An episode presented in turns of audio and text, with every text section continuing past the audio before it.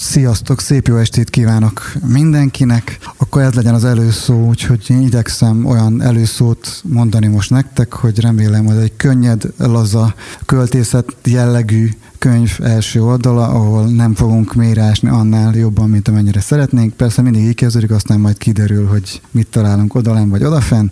Hát akkor sziasztok, szép jó estét mindenkinek. Balázs, kérlek, beszélj gyermekkori traumáidról. Uh, Hol, hol kezdjem? Rengeteg van. Az első az, hogy nem lehettem feltaláló, pedig ez volt az életem legnagyobb álma óvodás koromban, hogy azt mondtam a szüleimnek, hogy én mindenképpen szeretnék feltaláló lenni. Ekkor anyukám megrendelte, mert akkor még lehetett így könyveket rendelni újságból, bár mondjuk ezt most is lehet, de akkor nem volt még internet ilyen hangosan. Tehát látod, hogy mindenről lesz sztorim. És Ebből az újságból rendelt anyukám egy két jó vaskos kötetet, hogy halhatatlan feltalálók egy, halhatatlan feltalálók kettő. Hát mindegyik gyerek szemmel, főleg ilyen több száz oldalas, és amikor én ezt megkaptam ajándékba, és elkezdtem olvasgatni, a tizedik oldal után ilyen könyvbe lábadt szemekkel mondtam anyukámnak, hogy ez mind szuper és remek, de azt mondom, hogy rájöttem, hogy már mindent föltaláltak, és nagyon későn születtem ebbe a világba, úgyhogy így nem lehetek feltaláló. Próbáltok megvigasztani, de nem sikerült, úgyhogy ez az első traumám. És ez a félrecsúszott karrier, amiben aztán így tíz éve benne vagy. Arra gondolsz, hogy, hogy, hogy egy bábszínész miért énekel ennyit, és hogy miért jár koncertekre, miközben nincs nála báb, és hogy ez valóban egy félresiklott pálya. Hát a zenészként nincs nálam báb, bábosként nincs nálam annyi hangszer, úgyhogy valahogy mindig is ravíroztam, hogy a kettő között. Köszönöm a könnyed és légies kérdéseket, viszont kívánom. Majdnem azt kérdeztem, hogy hogy jutott el odadáig, hogy nem saját szavaiddal nem mertél kiállni a közönség elő, és más költők szavait voltál kénytelen megzenésíteni. Erről is van történetem. Nekem a legelején képzeljétek el, hogy amikor még tényleg három-négy akkordot tudtam lefogni és váltani, az általában a kezdőgitárosok tudják, aztán a haladók elfelejtik, de hogy tényleg az, hogy A-dur, D-dur, meg ilyesmi, ezek ilyen nagyon könnyű fogások, tehát javaslom mindenkinek, hogyha ilyen belső, vagy bármilyen problémája, avagy nem problémája, hanem jó kedve van, akkor gitárakordok első oldal, megnézitek az A-durt, vesztek egy nagyon kedves kis Hello Kitty-s rózsaszín gitárt a közeli sarki játékboltba, és óriási sikerélményben lesz részletek. Hát így kezdtem én is, és valahogy azonnal ilyen belső indítatásom volt arra, hogy én ezzel például ezzel a két akkorddal ez már egy dal, úgyhogy akkor én mindenképpen énekelni fogok. Majd beleütköztem az első nagy problémába, hogy de mit énekeljek, mert attól én dudorászok, meg akkordokat váltogatok, azt még azért messze nem lehet dalnak hívni, még az én már akkor is nagyon komoly szintemen sem, és uh, kinyitottam egy verses kötetet, mert hát nem hibázhatunk. Ha nem olyan jó a zene hozzá, akkor is, ha eléneklek például egy, nem is tudom, miket, egy adit, akkor úgysem mondhatják azt, hogy egy szardal, most, hogy ez egy csúnya dal, mert hogy az lesz, hogy ne viccem, mert adira nem lehet azt mondani, hogy nem jó. Hát most, hogy a zene nem tetszik, az szubjektív, úgyhogy nekem nagyon tetszik. Úgyhogy ebből a lelkesedésből tényleg még ilyen pejhes szakállal neki fogtam Adikat, József Attilákat is hasonló könnyed költőket elénekelni Ádurral és Dédurral. Először édesanyámat borzongattam a konyhában, aki nagyon első lelkes közönségem volt mind a mai napig, és mindenre azt mondta, hogy nagyon jó. Hát így lettem én zenész, hogy ezen fölbuzdulva azt hittem, hogy minden, amit csinálok, az nagyon jó. Aztán persze az évek sok mindent tettek, és sok, sokféle módon belém mélyeztették tejfogaikat, de az ember így fejlődik és tanul, de ez volt az első momentum annak, hogy én próbáltam zenét és dalt írni, és ezért, ezért már a legelejétől kezdve elkezdődött ez a kötődés a versekhez, és aztán nagyon hamar rájöttem, hogy amennyiben nem verset éneklek, hanem magam próbálok írni, összefércelni valamit, az mennyivel gyengébb, mint a versek, úgyhogy ott meg rádöbbentem arra, hogy a zenében mennyire fontos a szöveg, és hogy az annyira egy akkora szóló hangszer a zenében, hogy, hogy aki azt, azt kihagyja, az egy nagyon, nagyon nagy luxus életet él szerintem, mert hihetetlen, hogy, hogy egy, egy szöveg mennyi mindent tud színezni, hogy egyébként tegyük föl zeneileg nem annyira érdekes, vagy brillírozó dallam alatt, vagy fölött, és hát innentől van nekem az, ez a felejthetetlen és összefogózkodásra mindenképpen okot adó pillanatom az életbe, hogy muszáj így lenni a zenében, hogy legyen benne tartalmas szöveg, ha ez vers, az csak annál jobb, mert tényleg ez azóta is így gondolom, hogy legrosszabb esetben legalább jó volt a vers, úgyhogy ez egy jó kis védőháló. Te figyelj, az komoly, hogy az Adit meg József Attilát ilyen spanyol falként, vagy páncélként húztad magad elé, hogy már hogy őket lőjék, ha valami nem tetszik, vagy hát. Igen, igen, és akkor gondoltam, ha éppen őket bántják, hogy azt pont azért jutottak ők ketten egyébként elsősorban az eszemben, nem csak azért, mert az Adi gimnázium parkjában üldögélve nagyon sokat, a Csokonai Színház tövében Debrecenben nagyon sokat elmélkedtem ezen, hanem nálunk a, mondom ezt, mint nagy öreg, hogy amikor én voltam a középiskolás Debrecenben, a református gimnáziumban, akkor azt vettem észre, hogy aki verseket olvas, az nagyjából két táborra oszthatók. Voltak az adisták, és voltak a, a József Attilisták, és valahogy egyik nem szerette a másikat, hogy hát nem, azt a József Attila az túl érzelmes, túl ilyen, meg olyan. Bezzeg Adi, a József Attilások meg mondták, hogy igen, de Adi az annyira ilyen kopogós, és teljesen más, és néha olyan szörnyűeket ír, és annyira fájdalmas, és annyira fura. Aztán persze egy József Attilára is igaz, aztán én is így próbáltam ide-oda állni. Az élet első kopintása az arra, hogy nem lehet középen lenni semlegesként, tehát muszáj választani valamit, hogy az ember tartozom valahova, vagy a véleménye valóban érjen valamit. Tehát nem mondhattam azt mindig, amikor az Adis táborba kerültem, hogy igen, igen, szerintem is Adi Endre a legjobb magyar költő, majd ugyanezt a másik táborban, úgyhogy jaj, már ilyen korán ez, rengeteg ilyen belső vitát, ilyen, nem is tudom a jó szót ide tessék, most föllapozhatnám őket védve megint, de mindenképpen a kis egyszágitáros első estjeimben nagyon, nagyon nagy biztonságot adott, hogy ilyen, ilyen nagyon komoly és mély, mély versekbe merülhettem, és ezáltal meríthettem bele a közönséget is, és valahogy azt éreztem, hogy tényleg legrosszabb esetben, hogy sem a gitárjátékom, sem az énekhangom, sem a tehetségem nem röpíti el őket, akkor az mindenképpen egy fontos dolog, hogy kötet nélkül a kezükben mégiscsak egy Adi Endre, vagy egy József Attila szól hozzájuk, vagy egy Juhász Gyula, az is az elsők között volt. Sokkal nemesebb dilemmád volt, mint nekünk középiskolában, mert nekünk az Adi József Attila helyett a Depes Mód kiúr volt a de ott se lehetett középen állni. A Shop boys Balázs, amikor megmérettetted magad ezekkel a költőkkel, bebújtál a verseik mögé, akkor mi volt az a pillanat, meg ok, amikor úgy döntöttél, hogy ezek szerint valamiféle kockázatot vállalva saját szöveget fogsz írni? Nagyon sokszor nekifogtam, és nagyon sokszor lepattantam erről a falról, tehát hogy az első szövegeim ilyen nagyon, nagyon érdekesek voltak. Kicsit, ha így visszagondolok, akkor ilyen dusán-szerű szövegeket próbáltam írni. Akkoriban így rengeteget utcazenéltem, nagyon sok Cseh Tamás, Zoránt, ilyeneket játszottam. Persze néha egyet-kettőt magamtól, így a az esélytelenek nyugalmával. Közben meg iszonyú iszonyú érdekes és félelmetes érzés volt saját dalt énekelni, aminek én írtam a szövegét, és az egy ilyen nagyon, nagyon fura érzést generált bennem. Ugyanakkor meg ott meg tényleg minden lesodródott rólam, hogy ha ez a dal nem tetszik, akkor az minden estől nem tetszik, tehát hogy akkor tényleg így, így hiába próbálkozom. Aztán az persze évek alatt, most sokat ugrok az időbe, egyszer csak el tudtam azt engedni, hogy azzal sincs baj, hogyha, hogyha nem tetszik, és az, az nem jelenti az én kudarcomat, hogy nem jelenti azt, hogy valóban tehetségtelen vagyok, vagy valóban nem erre a pályára való, tehát hogy rengeteg szellemmel hadakozik az előadó is természetesen, amikor áll a kis hangszerével egy színpad közepén, de akkor még persze nagyon-nagyon tényleg félelmetes dolog egyébként így leülni. Részben az ember saját magával is leül szembe ilyenkor, akár ebben a pillanatban is, és egy idő után azt éreztem, hogy szükségem van erre a fajta megmérettetés, hogy legyőzzem magamat is, meg a félelmeimet is. Egyébként az életben nagyon sok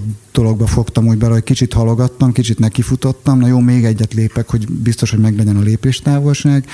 Viszont egy idő után mindig nekifutottam. Ez igaz volt sportban is, tehát fizikai síkon is abszolút működött ez nálam, hogy belefogtam olyan futóversenyekbe, vagy olyan olyan helyekre mentem meg kosáredzésre Debrecenbe, ahol tudtam, hogy nálam sokkal jobbak vannak, és a barátom nem jött velem, mert ő nagyon félt tőle, és ugyanez igaz volt akár az irodalomra is, vagy igaz volt a, a zenére és a színházra is, hogy egyszer csak muszáj volt nyálni egy nagyot, venni egy nagy leveget, és azt mondani, hogy jó, eleget léptem hátra kettőt, hármat, négyet, és azt látom, hogy mellettem sokan aztán nem indulnak meg, és akkor jó, akkor leszek én az az első pingvin, aki lesodródik és beleugrik a vízbe, és akkor majd ugranak utána sokan, és akkor bennem volt ez a kis, kicsit ilyen hősies, eposzi, tetéteni falusi gyerek őrület, hogy jó, akkor én leszek majd az a harmadik királyfia, a legkisebbik, legszerencsésebb, aki pont úgy ugrott, hogy a sziklák között pont a vízbe, és neki sikerült, ő már odát van. És hát ebből, ez szerencsére azt hiszem, hogy egy jó, vagy egy szerencsés vonás is, ami kellett is ehhez, hogy, hogy, hogy én ezt az ugrást megtegyem magammal szemben, hogy azt mondjam, hogy jó, akkor én nem kilépek már akkor így korai erre beszélni, de abból a kis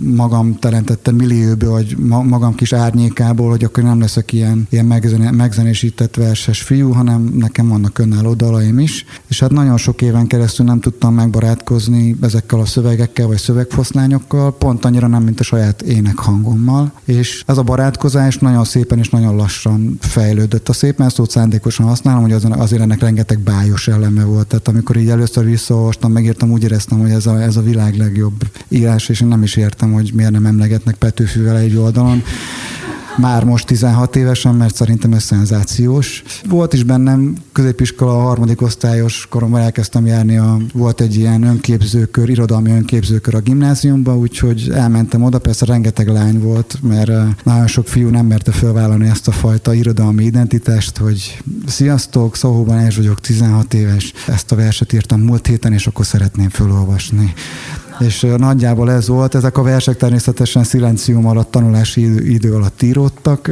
Volt, ami kötött, volt, ami kötetlenek formában. Mivel sokat olvastam, azt gondoltam, hogy ezek, ezekkel a formákkal teljes mértékben tisztában vagyok, és ezeket ragyogóan tudom alkalmazni. És hát nagyon mély és halálvágyó gondolatokkal terhesen, mély depresszióban, víz alatt bujkálva, és onnan visszajöve valahogy az életbe a 16 éven minden rutinjával írtam, és olvastam föl, és hatottunk meg mindannyian, ettől leginkább én. és más is írt, jé, az is tök jó, és hogy mennyi kis költő van itt a gimnáziumban, és akkor még el is ábrándoztam ezzel, hogy az, hú, az azért legalább olyan érdekes ez a költői, szegény költő, a meg nem értett költő szerepe, mint a rock and roll királysága, úgyhogy ez ilyen nagyon vonzó volt, és még így el is, el is játszottam a gondolatot, hogy lehet, hogy hagyni kéne ezt az egész gitáros bóckodást, úgyis sokan gitároznak, igaz, hogy jól áll nekik, meg jól is megy nekik, igen, de én egy kötettel fogok állni a folyosón, nem gitárral, és majd mindenki mutogat a kötött kinyújt is fiúra, hogy ő ilyen nagyon fura verseket ír, és ha valakivel akarsz egy nagyot beszélgetni vele, lehet. És akkor én ebbe, ebbe elkezdtem egy kicsit így csobogni és gondolkodni, aztán persze erre is jöttek így majd az életreflexió, és rájöttem, hogy milyen nehéz valójában írni, és hogy az mekkora szakma valójában, és hogy mennyi, mennyi tudás kell mögötte legyen, és mennyi minden kell kikristályosodjon, és mennyi mindenen kell keresztül menjen, pont úgy, mint egy kezdőgitárosnak az ádur, D-dur után. Úgyhogy ez egy nagy, nagy folyamat volt. Akkor azt, azt gondoltam, hogy ez egy sokkal rövidebb folyamat lesz, és én alig, hogy egyetemista leszek, vagy ilyesmi, én nagyon hamar be fogok futni, és egyszerre leszek tényleg, mint sportoló, és Magyarország első 1,80 centis NBA játékosa. Minden mellett természetesen ünnepelt színész a színházban. Vagy kötött pulcsi is, kosaros? Aha, ez így elsőre szokatlan, de azt gondoltam, hogy végül is mindenki így kezdte, lásd a Nirvana is így indult, úgyhogy ez ilyen nagyon fontos képek voltak bennem, és tényleg világot szerettem volna váltani, és azt gondoltam, hogy nekem kis apró tetétleni magyarként ez sikerülni fog. De mondjuk az első versmondás után a, hogy, hogy fogalmaztál? Halálélmény? Ez így bejött a lányoknál? Őszintén, vagy nem őszintén? Nagyon bejött. Mindenki vágyott erre a depresszióra. Ez az őszinte? Ez a nem őszinte. Az őszinte, hogy volt, akinél ez bejött természetesen a szomorú, fi, szomorú csendes fiú az néha működik, néha nem ez azóta nagyon sokat Mindig vált. működik, csak nem annál, akinél szeretnék. Igen. Ez az a... Ezt a lányoknak nem szabad elárulni, hogy mindig az van, hogy akinek éppen nagyon tetszik egy fiúnak egy lány, mindig azzal a lányjal tudja a legkevésbé elővenni a legjobb hadifegyverzetét. Olyankor besülnek a történetek, és az ember se nem szellemes, se nem vicces, se nem művelt, se nem izmos, se nem magas, se nem gyors, se nem semmilyen. Általában egy hosszú öbetű után egy torok köszörülés következik, majd egy óvatos szia, ami egyben a köszönés és az elköszönés egyben. És, és hát ez a világ szerintem legtömörebb irodalmi kis regénye, amely egy hatalmas szerelmet, és egészen odáig, míg az ember elér, az a három lépés alatt lezajlik, hogy hány gyerekünk lesz, milyen színű haja lesz, milyen kertesházunk lesz. Vitatkozunk kicsit az autó színén, mert szerintem túl lányos, de ő is szereti, mert bohókás, és akkor sajnos eh, a sok, sok álom után egyszer csak egy sziával ez derékba törik.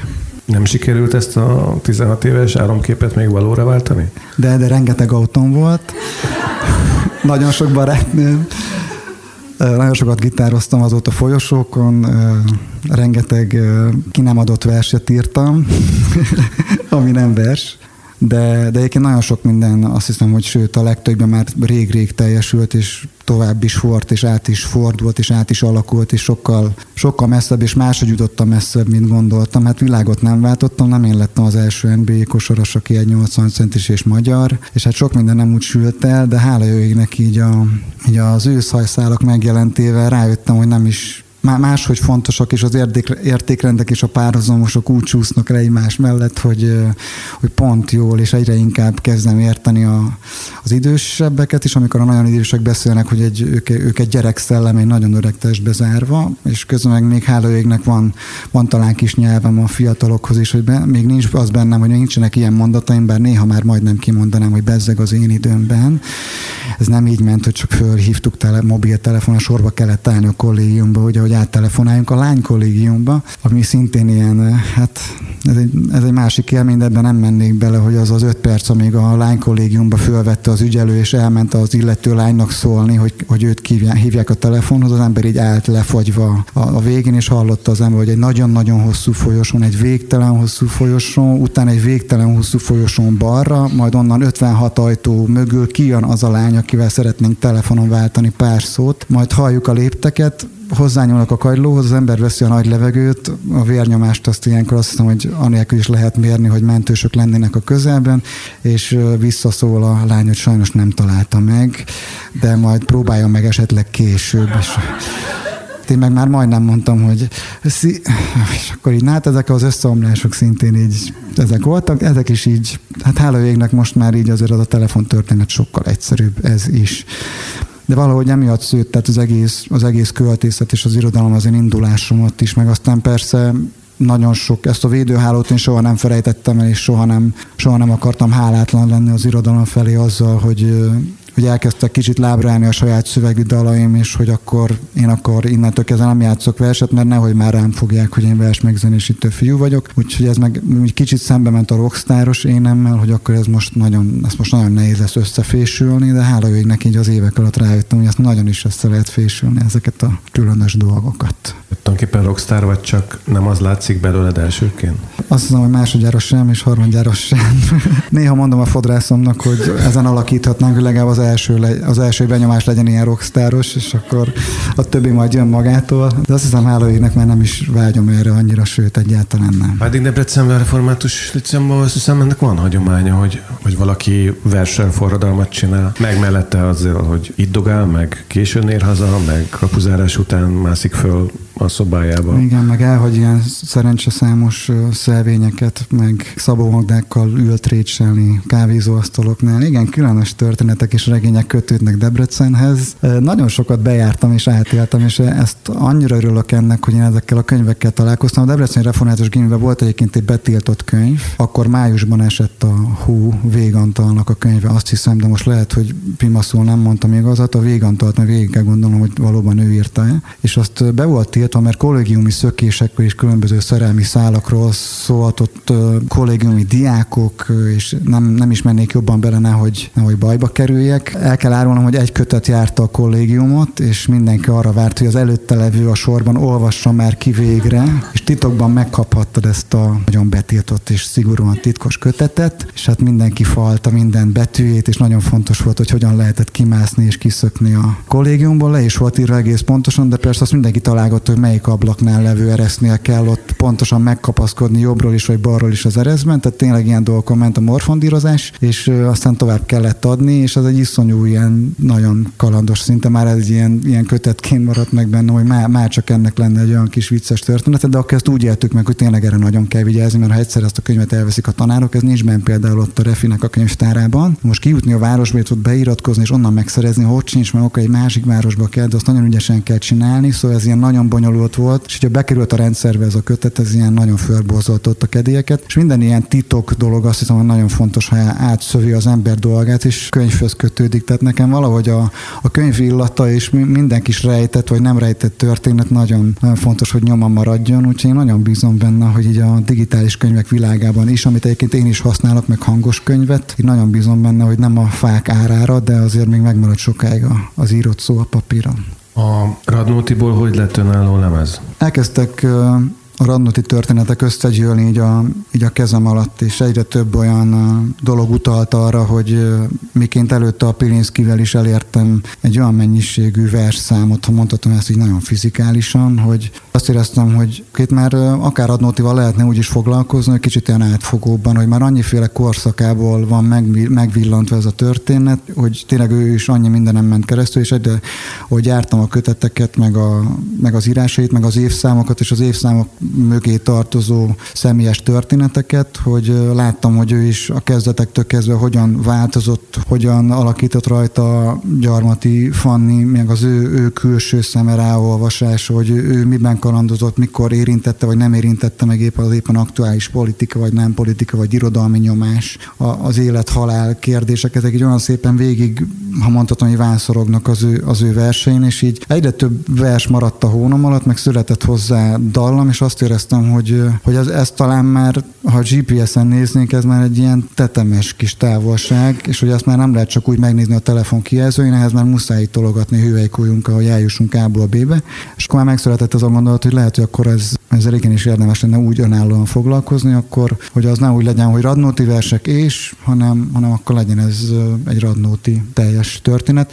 Ha lenne egy ilyen apróbetűs kérdés, hogy tudatosan vannak-e ezek a versek így egymás után, akkor azt kell, hogy mondjam, hogy igen, de az a fajta ilyen matematikai tudatosság például nincs benne, hogy nem időrendi sorrendben vannak, hanem inkább a, a zenék, amik születtek hozzá, ami néha én nagyon szeretek úgy neki feszülni verseknek, hogy épp az ellenkező hangulattal támadni meg. Tehát mondom azt, hogy egy nagyon szomorú, éppen mélybevetős vershez szeretek egy ellentét párként egy viszonylag vidám zenét is akár társítani, vagy egy nagyon viszonylag virtuóz zenét mögé rakni, mert néha úgy érzem, hogy ak- akkor adja meg magát a vers zeneileg. Ez egy nagyon vékony ég, amit most elkezdtem beszélni, mert már eleve, eleve fura, hogy az ember hozzáad egy zenét egy vershez, mert az onnantól kezdve tényleg életveszélyes történet, mert mint ahogy mondtam a legelején, hogy 14-15-16 éves koromban hogyan fogtam neki bátran, mert védőháló a vers, hát így már kicsit érettem nagyobb fejjel, azért így most meg inkább az a félelmem van, hogy most már nem is annyira a vers biztonsága, pajzsa van előttem, hanem hogy fú, az mekkora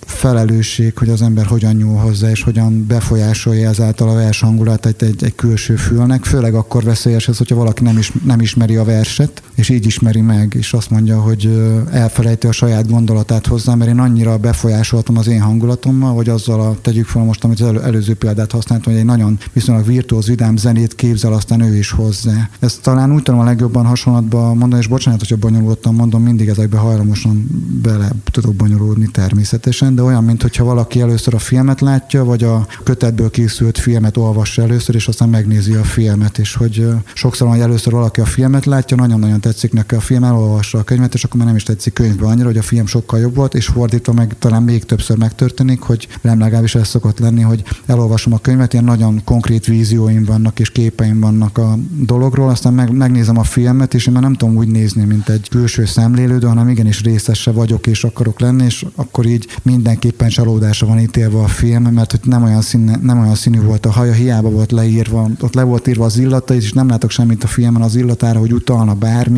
nem is olyan a természete, nem láttam semmit a belső vívódásból, az nem is fogalmazott meg a kérdés, nem is találkozott azzal a szereplővel, aki nekem az egyik kedvenc szereplőm volt, stb. stb. stb. És ugyanez van a megzenített verssel számomra, hogy egyre inkább, ahogy, ahogy telik az idő a, a fejem fölött, egyre inkább félek hozzányúlni versekhez, hogy ez pont ezért nagy felelősség, hogy másokban talán mondjuk úgy, hogy kárt okozok ezzel. Részben meg kicsit irigykedem a, a 20 évvel ezelőtti énemre, aki meg ilyen végtelen bátorsággal azt mondta, hogy de hát miért ne lehetne József Attilát énekelni? Hát ki az a bolond, aki nem énekel József Attilát? Hát gyerekek, ne vicceljünk már. Hát az a legjobb dolog az életben, hát ez milyen jó, nézzétek csak.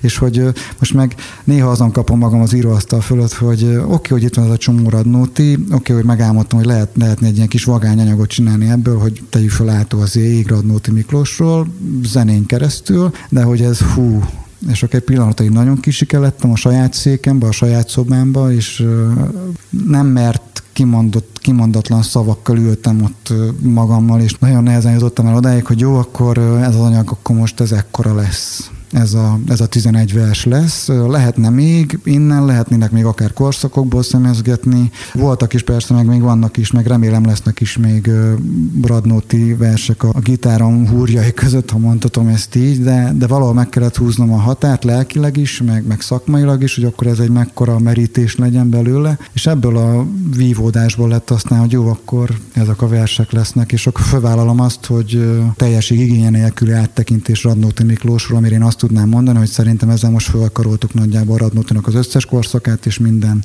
minden történetét. Persze nem sikerült ez egy ilyen történetnek, hogyha valaki ezt a Hasonlatok című kisfilmes hangos anyagot megnézi, akkor mindent tud Radnóti Miklósról, mert korán sem. Sőt, inkább azt gondolom, hogy ez csak egy ilyen egy kis kerti kapu, ahol be lehet menni az ő végtelen hatalmas történetébe, és abban bízom, hogy vannak olyan jók, és nem rontottam vele akkorát a, a verseken, hogy, hogy erre inkább kedvet kapnak az emberek, és azt mondják, hogy tényleg olyan régen olvastam Radnótit, és akkor így elolvassák, és na, na, az egy nagyon jó érzés. De visszatérve arra a színhelyre, ahol ezek íródtak, arra a kis kézmorzsolós íróasztalra, a saját kis félelmeimmel és vízióimmal, ott az simítja ki a vizet, hogy, hogy azt, azt érzem, hogy azért volt értelme, mert benyomott egy gombot arra, hogy így de rég olvasnom Radnótit, és olvassunk Radnótit, és akkor ez így már tök jó. És hálóének rengeteg ilyen költő van, akin, akinek rengeteg gombja van, és így most nem akarok ilyen elektronikai szaküzletté változni, úgyhogy most át is adom a szót.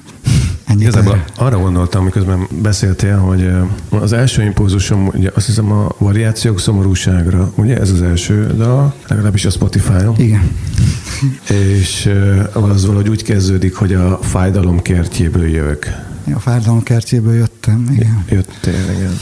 Aztán a második az, ami végre, talán, igen. amiben meg egy ilyen, az égre nézés Nem hallatszik, hogy bólogatok, de igen. Igen. Abban az égre nézés nehézségei. Igen vagy mégse megtörténése van. És igazából arra gondoltam, hogy amit mondtál az előbb, hogy hogy van az, hogy ezek sokkal radikálisabb, vagy mélyebb, szóval hogy szomorúbb, fájdalmasabb, ez a jó szó, fájdalmasabb szövegek, mint ahogy ezt így zenében elém adod vagy elénk hozod, és arra gondoltam, hogy vajon azért van el, mert ez így valahogy mégis elviselhetőbb. Tehát, hogy van egy fájdalom, ami nálad a zenében együtt valahol széppé lesz. Azt hiszem, hogy, hogy jó, jó egy lépés távolságot tartani. Ezt szakmailag is elkezdtem megtanulni a színházban, és egy ilyen dolog, hogy színpadon, és most talán úgy tűnik, hogy elkanyarodok, de higgyétek el, hogy nagyon konkrétan ide tartozik, hogy a színpadon nagyon sok apró technika van, amire egy néző nem is gondol, és az így van a filmben is, és zenében is, hogy néha attól, a, attól az érzelemtől egy, egy lépést távol kell tartani ahhoz, hogy a másik be tudja fogadni, vagy meg tudja érteni, és hogy, hogy ezt a lépést te merre és olyan teszed meg, az persze a saját felelősséged, de részben erre azért van szükség, mert sokkal érthetőbb és befogadhatóbbá válik kicsit a dolog, vagy, vagy nem, nem, nem válik a saját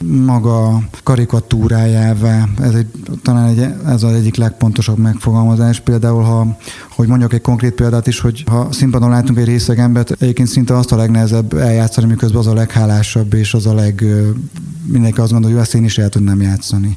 Csak ha túl van játszva, akkor mindenki azt mondja, hogy ez jó, azt látjuk, játsza ha, ha nem látod, vagy hogy miből látod, kézmozdulatból, vagy bármiből, finomságúval észreveszed, hogy valami, valami fura rajta, mint hogy az életben is, hogy nem, hogyha valaki nem négy kézláb része, akkor nem feltétlenül veszük észre rajta, hogy ő egyébként most nagyon boldog belül. És hogy, hogy ezt színpadon megjeleníteni, ezt a, ezt a fura árnyalatot, ez nagyon-nagyon nehéz, és nagyon ügyes dolog, és nagyon sok gesztus, és nagyon sok megfigyelés kell hozzá, és sokkal nagyobb munka van a háttérben, mint hogy aztán a végeredménynél tegyük fel egy, egy színházi néző ezt látja. És filmben is pont ezért nagyon fontos, hogy milyen jeleket és milyen mozdulatokat, milyen momentumokat mutatunk meg, milyen közelről, milyen távolról.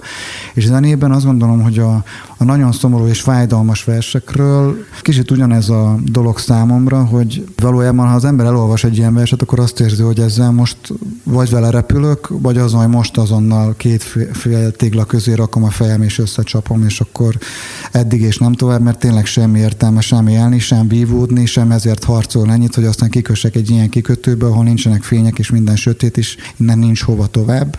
Azt hiszem, hogyha az ember egy ilyen egy lépés távolságot tud ettől tartani, azt mindegy, hogy milyen technikával tesszük, és nem csak így lehet, hogy akár egy kicsit másabb vagy hangulatilag elütőbb zenét teszünk mellé, akkor létrejöhet az a fajta, én kicsit így hívnám, hogy boldog depresszió, ami olyasmi, mint, mint amit nagyon sokat éreztem tinédzser koromban, hogy tele voltam világfájdalommal, tele voltam egy csomó olyan dologgal, ami, amiért imádtam zenét hallgatni, és lehetőleg nagyon szomorú legyen, nagyon dühös, nagyon hangos, mert nekem rengeteg problémám van, és nincs egy barátom sem, és igaz, hogy apukám meg anyukám, de akkor is, akkor is belül azt érzem, hogy se Istenem, se hazám, és hogy különben is kikutyakölke vagyok én, és hogy, hogy az ember azt érzi, hogy minden összeomlik körülötte, és hogy nem is aszfalt az, amin járok, hanem igazándiból iszabba vagyok, és elvadult tájon gázolok, és Adinak teljesen igaza van, és ki kell mászni minden ablakon, és mindenhonnan el kell szökni, mert sehol nem jó, és mindegy hova szökni, mert ott sem lesz jó, és hogy valahol azok voltak a legszebb délutánok, hogy sétáltam a nagyerdőn, hallgattam a nagyon szomorú érfölvágós zenéket. Mégis valahogy a szívem mélyén persze nem mondtam ki, mert akkor elmúlik a varázs, de valahogy a szívem mélyén éreztem, hogy ez ilyen tök jó egyébként ez a fekete zsek is beburkolózott, ne szóljon hozzám senki, most zenét hallgatok, én vagyok az egyetlen ember a Földön, aki egyedül van, és éppen most a holdon vagyok, és ne szóljanak hozzám, mert belejönnek az én világomba. És valahogy ez a hangulat számomra, ez pont ilyen, amikor sikerül egy ilyen muzsika, egy ilyen vershez, hogy talán pont az az egy lépés elegendő ahhoz, hogy meg tudjam érteni azt a fajta éppen ő akkori világfájdalmát, amit én hála nem éltem meg, hogy milyen félelemmel és veszteséggel jár egy ilyen, egy ilyen háború előzménye, kezdete, egy ilyen elhurcolás, egy, egy ilyen szintű barátvesztés és mindenféle vesztés, hogy ezek tényleg ilyen húsba és inakba vágó dolgok, és hogy, hogy azt érzem, hogy ha ezt az ember valójában próbálja megjeleníteni, akkor talán még árt is vele. Azt gondolom, hogy egy ilyen nagyon zaklatott és nagyon ilyen szinte modern, komoly zenei őrült hangzást lehetne mögé rakni, és akkor talán kicsit aláfesteni hangulatilag, és akkor az ember azt érzi, hogy na igen, erre gondoltam, hogy mi végre, ugye, hogy végül is annyi mindenen keresztül mentünk, és ezért, meg hogy mindegy, hogy honnan jövünk, mégiscsak a fájdalom, fájdalom lesz az, amiből mindenki mászik, és onnan én is kijövök, és kérhez tőlem bármit, de akkor is szomorú leszek, és akkor is a szomorúságról fogok beszélni. De talán valahogy így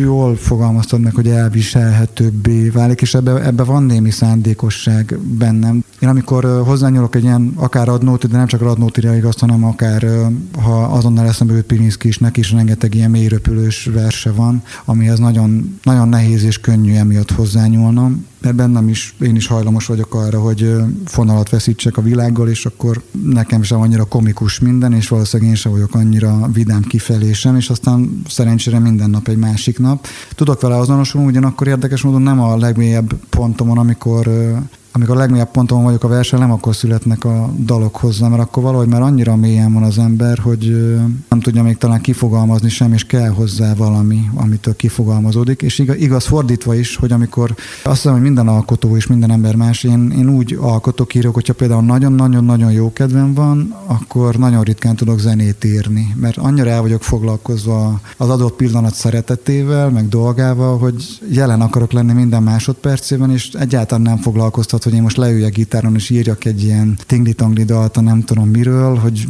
ülök a füzes alatt, és rigók jönnek jobbról, balról, meg egy traktor, de az sem zavar. Valahogy akkor egy sor se jön, valahogy semmi nem jön. És van egy ilyen fura köztes út, amikor az ember egy egyszerre lebeg a, az ég és föld között, jó és rossz között, és a depresszió és a értetetlen nyerítéses nevetés között. És valahogy ebbe ide akar besodródni minden a, az írásba, amikor így ehhez próbálok zenét találni, hogy addig foglalkozom ezzel, amíg nem érzem azt, hogy, hogy úgy tudom végighallgatni, hogy közben levegőt veszek, nem mint ahogy most beszélek. És hogy hogy azt érzem, hogy amikor így elrakom ilyenkor napokig a kis fiókomba, fölveszem otthon, és hagyok ilyenkor egy pár napot magamnak, hogy mondjuk úgy, hogy elfelejtsem, és hogy már szinte ne tudjam eldúdolni. Persze nagyon ritka, hogy tényleg valójában elfelejtem, de még nagyobbat hátra lépek, mint a zene a vershez képest, és akkor meghallgatom két-három nap múlva, és akkor meghallgatom, benne van-e az, az a kis furcsa, furcsa valami, amitől azt mondom, hogy szerintem ez jó, és akkor ezt csináljuk meg.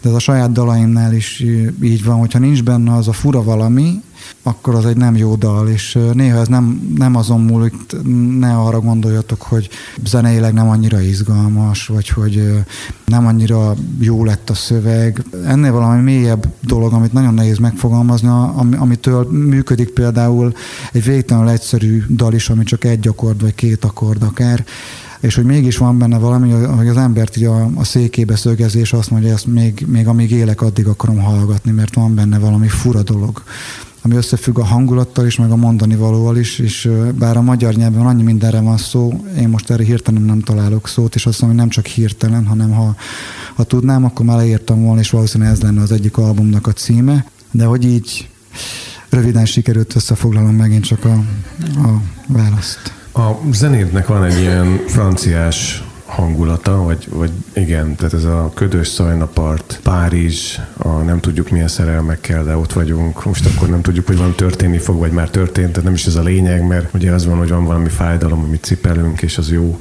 időnként, néha meg inkább nem. De hogy ez az állapot, amit mások talán melankóliának hívnának, amelyen egyszer van meg egy fájdalom, és van mégis valami, valami megmagyarázhatatlan módon valami életszerű dolog beköszön az ember életével. Ez, amitől nem vágjuk fel az elejénket, ez micsoda?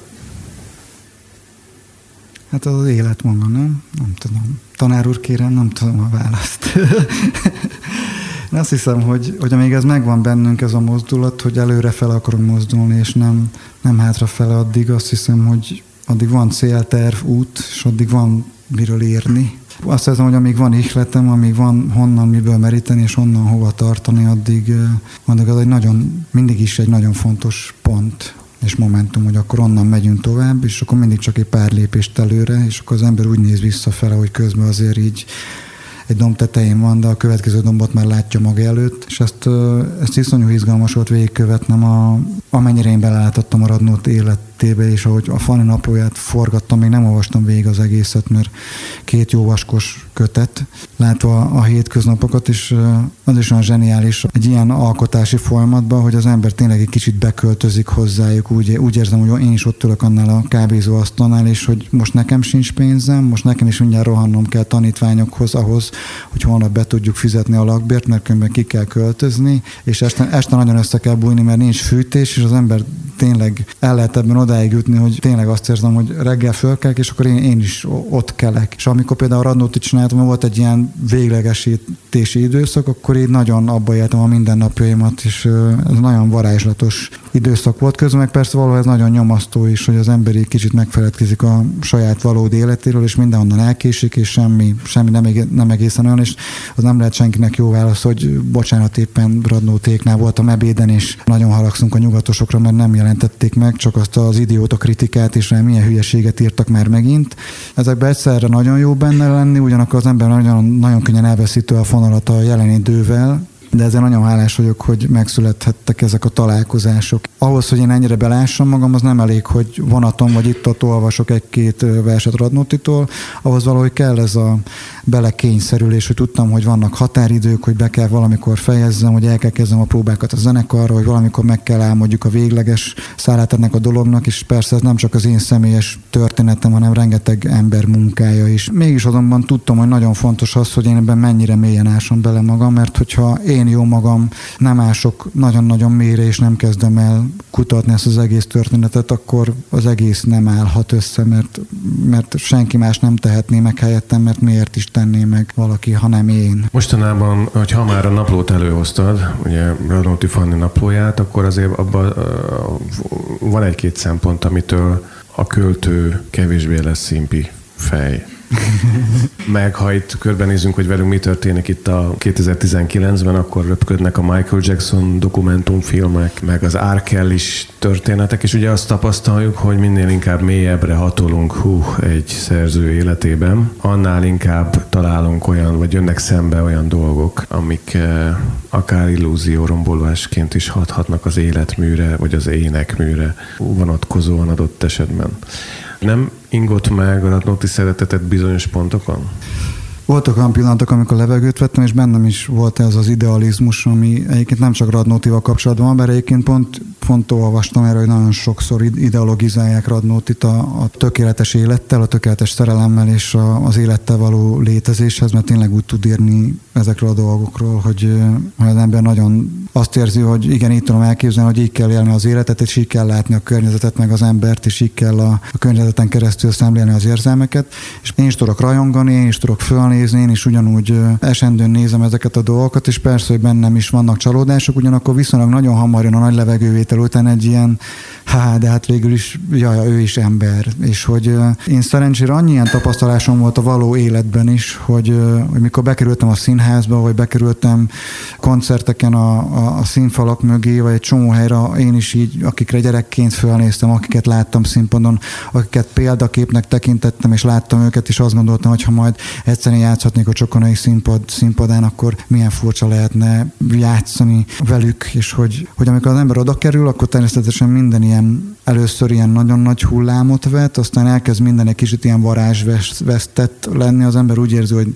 mindenki becsapta, de még a ruhatáros néni is, mert nem szólt, hogy azon az ajtón nem szabad bemenni. Ugyanakkor van ennek persze, most kicsit borúsan írtam az első pár gondolatot, de ennek van a másik oldala is, hogy egy, addig számomra egy viszonylag semleges, hogy nem különösen izgalmas ember iszonyú izgalmassá vált. Látva, hogy hogyan dolgozik, hogy mi van vele, és aztán persze látod, megint két dologról beszélek, és nektek is mondom, hogy beszélek egyszer a munkáról és az emberről, és nagyon sokszor azt mondják az emberek, hogy, a, hogy valaki olyan, olyan otthon is tehát egy rockstar az, a, az minimum úgy keni a zsíros kenyeret, hogy rázza a haját, és nagyon laza.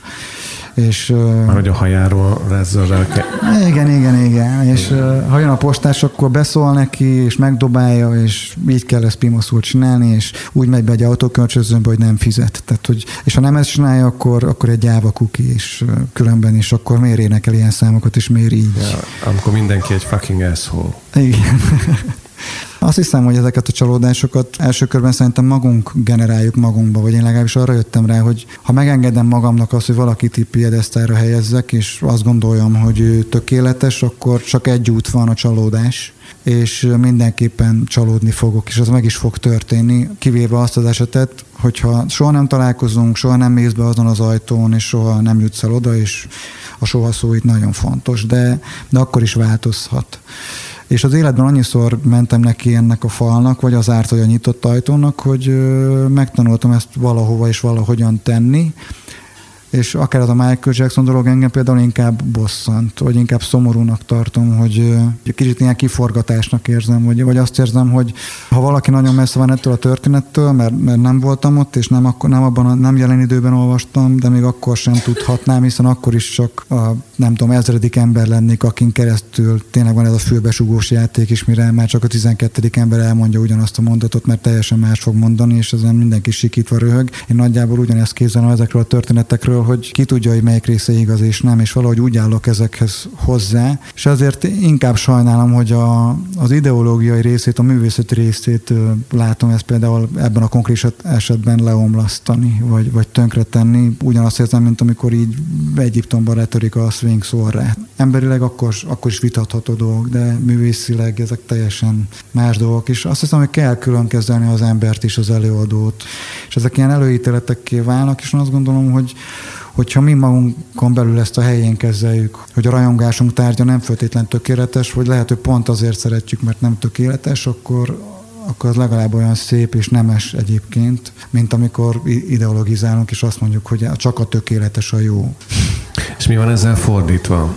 Mert te magad is egy idol vagy sokaknak. Mi van akkor, hogy, mi, mi van akkor, mi van, mi van akkor, hogyha valaki néhány évtized múlva neki áll a Szabó Balázs és dalszövegeket elővenni, és így el, megpróbálja kideríteni, hogy életrajzilag ez honnét jön, akkor mi történt a te életedben, és akkor esetleg lát vagy nem lát valamiféle deficitet az élet és a dalszöveg között. Ez egyfajta lelepleződésnek a kockázata?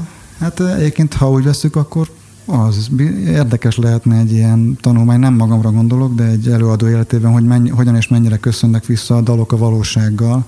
Ez egy döntéskérdés egyébként azt hiszem, hogy aki, aki ír, az mennyire vállalja föl a saját maga gyengességeit, erényeit, érzelmeit. Én mind a színházban, mind a zenében azt tapasztaltam, hogy, hogy mennél inkább kihagyom magam a történetből, annál sekélyesebbé válik, és annál kevésbé vagyok ügyes benne. Ez valószínűleg lehet, hogy azért van, mert én nem vagyok ott szakmailag vagy technikailag, hogy ábrázoljak úgy egy dolgot, hogy én nem vagyok benne nyakig. Tehát úgy beszéljek egy tornászról, hogy közben ne lebegen előttem a saját tetétleni tornácunk, hanem egy általános tornácot írok le, ami mindenki tornáca, és mindenki úgy is érzi, hogy az ő tornáca. Erre én azt hiszem, hogy nem vagyok képes, egy kicsit ettől ilyen talajvesztetté válok, de ismerek olyan írót és ismerek olyan zenészt is, aki például ezt ugyanazzal a könnyedséggel meg tudja tenni, hogy nem saját magából ír, hanem egyszerűen a külvilágból, és áthelyezi magát egy teljesen más szemszögbe. Ezt az írásmódot én is használom, de én azt már inkább a vízióimban teszem, és az inkább szintén nem tudok ide pontosabb szót, mint, a, mint az ilyen félálom, félvízió, hogy igaz is, meg nem is, mint ami tavaly szintén megjelent lemezünkön is van egy ilyen halaklaknak a számban. Eszembe jutott ez a fordulat arra, amikor az ember úgy elmondaná, hogy mi van benne, de igazándiból nem tudja. És tényleg lelegelik az embernek az összes szavát oda bent, ezek a fránya élőlények, és a végén régen marad a hallgatás aranya, ami magamnak hallgatás aranya, kifele meg néma bob. Tehát, hogy így nem tudjuk, hogy mi történt időközben, csak eltelt öt perc, és ül ott, és nem mond semmit, és olyan furán néz nehéz vágány, hogy a, nekem is, ami bennem teljesen logikus, azt na, még mind a mai napig tanulom, és nagyon jó, jobb, jobb kezem például a, a menedzserem is ebből, hogy rászól arra, amikor én nagyon hajlamosan úgy írok, hogy ez már csak nekem érthető, és senki másnak nem. És én belülről azt érzem, hogy ezt most nagyon megfogalmaztam, ezt nagyon megírtam, visszatér a 14-15 éves énem, hogy életem legjobb dalszövegét írtam, és akkor visszakapom a kis szövegkiemelővel kivett dolgot, és kérdőjelekkel tele dolgokat, hogy ez, ez mit jelent nálad, és hogy így én írok egy szakdolgotot ott erről, hogy ez mit jelent nálam. Ja, hát, hát erre tízből tíz ember nem fog gondolni, úgyhogy lehet így, ha szeretnéd, de aludj rá egyet. Akkor erre mondhatnám, hogy felelősnek érzed magad, hogy hogyan adsz egy dalt elő, vagy egy verset hogyan zenésítesz meg, mert ez tulajdonképpen nem így fogalmaztál, csak bennem kódolódott így, tulajdonképpen egy értelmezést adsz át a versről. Mondhatnám azt, hogy nem, és egyébként a a jó ízlés szándéka természetesen az, hogy a, hogy a költő a legfontosabb, de mindannyian tudjuk, hogy szerintem természetesen befolyással bír, hogy milyen, hogyan hallgatjuk, meg sose felejtem el, hogy Sebőjéktől hogyan hallottam verseket, vagy a Kalákától, és volt, hogy azért olvastam aztán el, a hetedik te magad légy, stb., hogy így aztán nagyon nehezen tudtam elvonatkoztatni tőle, és hogy be kell, hogy valljam, hogy én is voltam tényleg így módon a ló túloldalán, hogy igenis befolyásolt. És tudom, hogy nem szánt szándékkal csinálták úgy az enyét, hogy már pedig nekünk te leszel a hetedik, és mi pont így gondoltuk, hanem ez egy saját sugallás, és tényleg szubjektív, de nem lehet mögé azt gondolom felelősségmentesen elbújni, hogy bocs, srácok, én így éreztem, ez ilyen, és szerintem ez zseniális, és minél több embernek nem tetszik, annál nagyobb forradalmár vagyok. Szóval ez ilyen szempontból tényleg felelősség. Nézd, Radnótinak egyébként volt betiltott kötete. Nekem remélem lesz majd betiltott Radnóti dalom. Melyikre tippelsz? Nem tudom. 11-ből, ami eddig. Ja, lehet, hogy ezt csak betiltják a középiskolákba a bájolót, mert azt mondják, hogy elegünk van, és akkor soha ah. többet senki. Azzal nekem csak segítenének, mert egy tiltott dallá változnak, ami pedig egy vers. Unod? Nem. Nem mondom, de az tény, hogy újra meg újra meg kell küzdenem érte. Tehát, hogy ahol minél több év telik el, annál nehezebben találok vissza az érzéshez, amikor megíródott azon a kis, ez még Debrecenben íródott egyébként Őszi Rózsa köz nevű kis utcában, egy kis albérletben, életem első szerelmével, életem első összeköltözése, egy magyar szakos kosutos lány, reggel bement az iskolába órára, én jó egyetemistaként tovább aludtam a másik oldalamon, de arra még emlékeztem félelomból, hogy ott hagyott egy radnóti kötetet a fejemnél, és mondta, hogy, hogy ez a vers nekem nagyon tetszik. És csak így nem volt ez köztünk, tehát hogy ne gondoljátok, hogy mivel egy magyar szakos lánya voltam, és én is akkor nagyon sok verset énekeltem, és akkor biztos a nap, nap nagy részét mi az irodalomban lebegve töltöttük. Semmi ilyesmi, talán két-három verset bízott így rám, hogy neki ez nagyon-nagyon tetszik. Ez volt az egyik ilyen momentum, és arra gondoltam, hogy mire hazajön négy óra körül, addigra én ezt meg fogom zenésíteni, úgyhogy én úgysem megyek be oda iskolába, én ezt most kihagyom ezt a napot, mert sokkal fontosabb világ megváltó dolgaim vannak, mert ennek a lánynak mosolyt kell varázsolni az arcára, és én akkor megcsináltam a bájolót, így, így módon, és ott a kis konyha tényleg kockás terítős asztalnál, és hazajött négykor, mondtam, hogy üljön le, és akkor el, elgitároztam neki, mert akkor még nem lehetett fölvenni, elgitároztam élő egyenesbe, lehajtott fejemben, ahogy lássam, hogy tetszik neki, vagy nem közbe, mert ha közben látom, hogy nem tetszik, akkor megsemmisülök, és akkor nem hallja a szenzációs végét, ami egyébként ugyanaz, mint az eleje.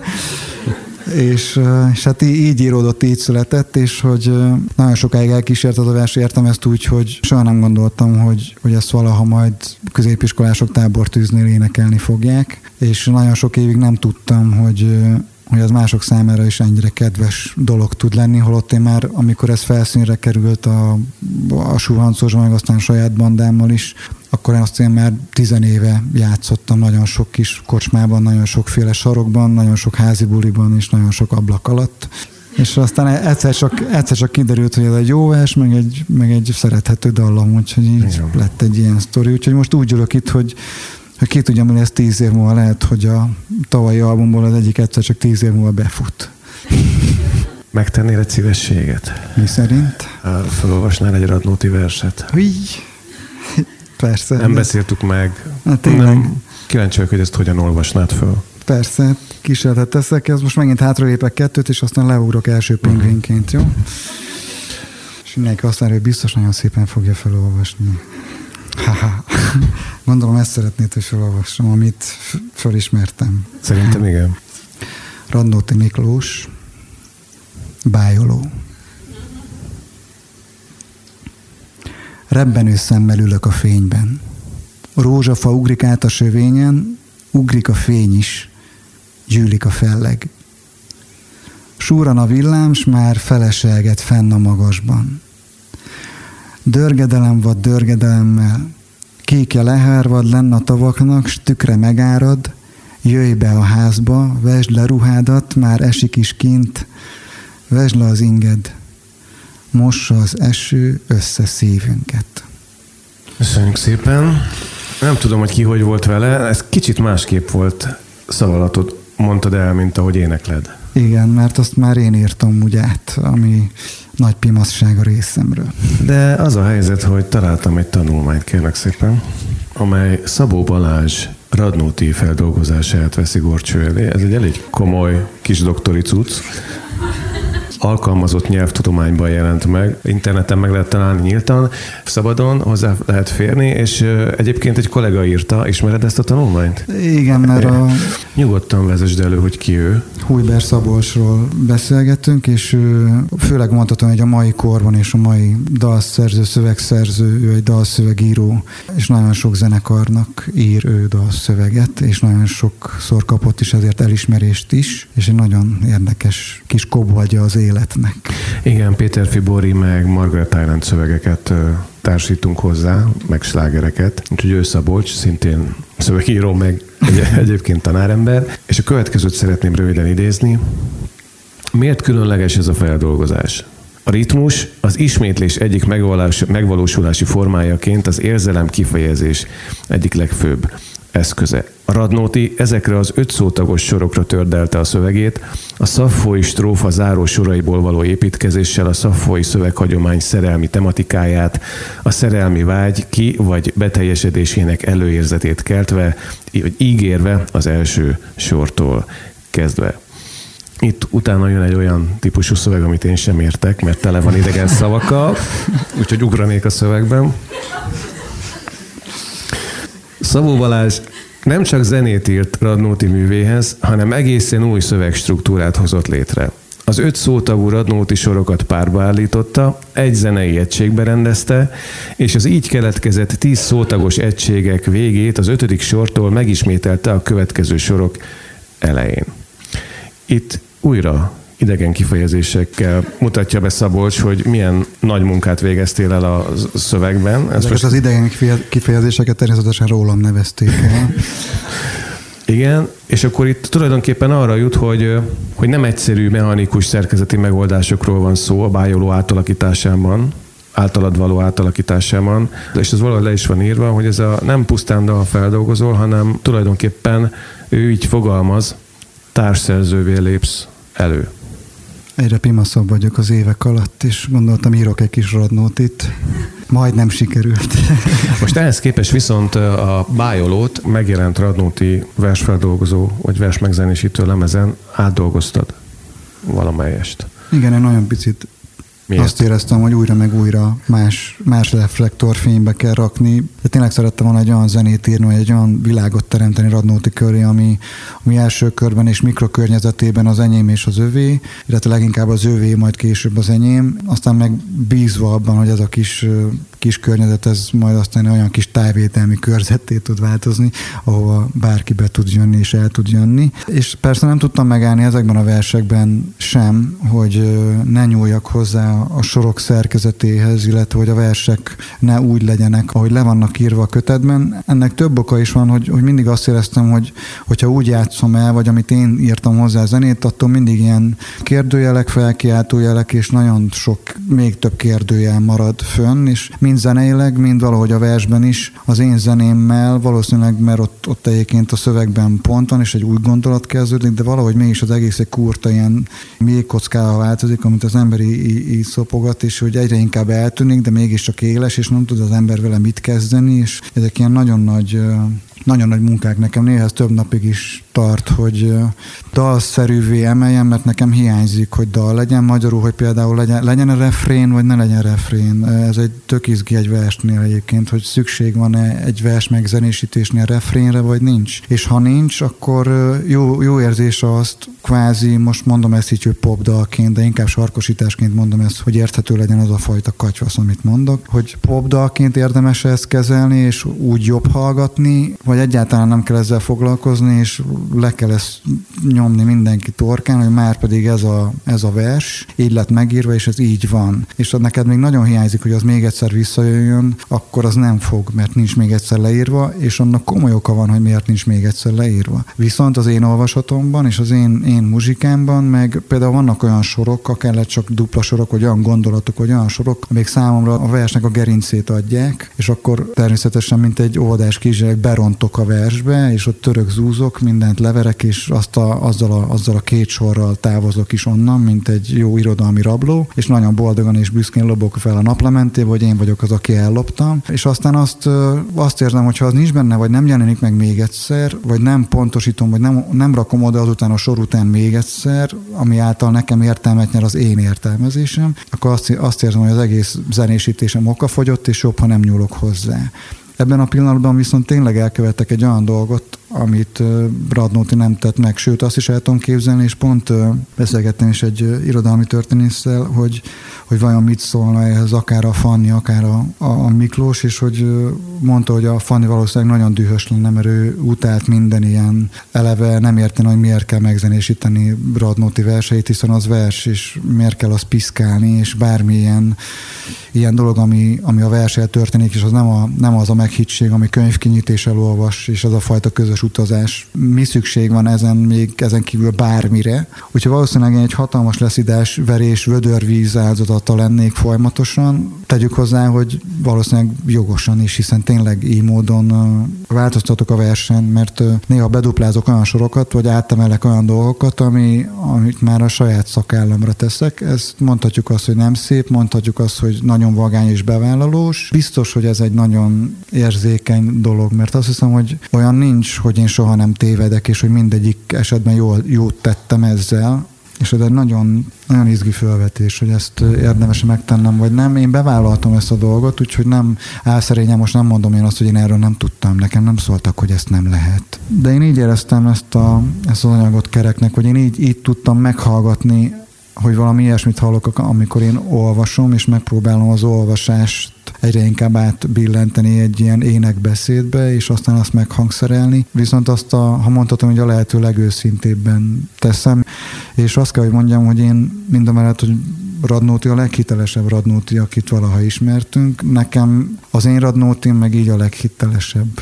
Nem tudom, figyelted közben mi történt? Mindenki kiment, ezt csak a hallgatóknak mondom. Na, mindenki maradt, viszont fenn a magasban dörgedelem volt. Volt már olyan koncertünk, hogy tényleg leszakadt az eső, Szegeden volt, a, ott bent a, a Szegedi Dómnak az udvarán volt egy koncert, és azt vettük észre, én annyira benne voltam a zenélésben a koncertben, hogy észre sem vettem, csak azt látom, hogy mindenki közelebb jön. Először azt hittem, hogy wow, megérte fekvő támaszozni, és aztán rájöttem, hogy szakad az eső. és, és ugye, mivel a színpadnak a, na, túlért a borítása, mindenki próbált behúzódni az eső elől, és természetesen a bájoló szólt, és az ilyen abban a pillanatban ez végtelenül megható volt, és nagyon szép történet, és azóta ez még talán még kétszer megtörtént az életemben, hogy, hogy a koncert alatt a bájolónál elerett az eső, és ez ilyen... Most az eső szívünket. Igen, és hát ez most egy kicsit olyan, lehet, hogy esik is, de a dörgés mindenképpen bőt, és egyébként dörögni még nem dörgött így. Viszont ideje az albumzárásnak, mert eljött az ideje az esti búcsúzkodásnak. Egy dolog foglalkoztat még, hogy napokban jelent meg H. János új könyve. H. János írt egy szubjektív magyar irodalom történetet. És valahogy vissza akarja helyezni ezeket a, az írókat abba, hogy így tudjunk róluk beszélgetni, mint ahogy mi most beszélgetünk, és ez a fajta róluk való beszéd, vagy rájuk ragadt kép, azt leszedje. És mondok egy példát, hogy a Mórica paraszti író, és akkor kifejtette, hogy egy frászt ő a paraszti író, a városírója valamilyen módon. Egyébként meg lehet nézni a, ezt az előadását, ami a könyvbemutatója volt a Facebook oldalon, csak hogy autentikus ember magyarázza el, hogy mit gondol. Felvetett egy nagyon izgalmas dolgot, arról szól, hogy a szerző hiteles közlése. Hogy a szerző azt akarja mindig elérni, hogy első gesztustól kezdve, hogy neki joga van arról a világról beszélni, amiről beszél. Viszont az is igaz, hogy minden megszólalás valahol egy mimikri. Nem teljesen esik egybe a szerzővel. És ez a kérdésem, hogy a, a Radnóti neked ki? Ő egy olyan talentum nagy birtokos az én szememben, amit csak ő és csak akkor kapott ott. Ugyanakkor ezt a talentumot egy olyan élőlény testébe rakták, aki mindeközben egy ember, tele vágyakkal, ebben mindenféle vágyakkal, jókkal, rosszakkal, és hogy mivel számomra úgy tűnik, hogy ő ezt a talentumot nem hagyta elveszni, ezért azt gondolom, hogy jó helyre került, és ő egy nagyon, nagyon fontos fa az életemben, ahova így, így azt hiszem, hogy nagyon sokszor el fogok sétálni, és irigykedni fogok, és én nem hiszem, hogy van olyan férfi, aki nem férfi, mert azt gondolom, hogy a férfi az, az is hozzátartozik, hogy, hogy kicsapong, és nem csak a, a szerelemre és a nőkre gondolok, hanem minden egyéb úttévesztésre is. És ha ilyen szemmel nézem, akkor akkor nekem bőven belefértek azok a dolgok, amik megjelennek a Fani naplóban, és ez a, azt gondolom, hogy minden embernek van árnyéka, és ha a Piniszkire gondolok, ő úgy írja, hogy csörömpöl a kövön, hát igen, ez valahogy mindig, mindig fura, hogy ki, ki milyen árnyékot vet, és azt hiszem, hogy ezekben az árnyékokban nehéz élni, más árnyékában, és én remélem, hogy lehet olyan árnyékunk, és abba bízok, hogy nekem is lesz az életben olyan árnyék, amiben, amiben nehéz élni másnak, ez megint csak jó és rossz, de azt hiszem, hogy talán értitek. De nekem Radnóti egy olyan fa, ami nem tökéletes, de, de minden tavasszal kinyit. Úgyhogy talán így. Akkor én azt kívánom, hogy következő évtizedekben vess hosszú árnyékot. Köszönjük szépen, hogy velünk voltál. Én is köszönöm, hogy meghallgattatok.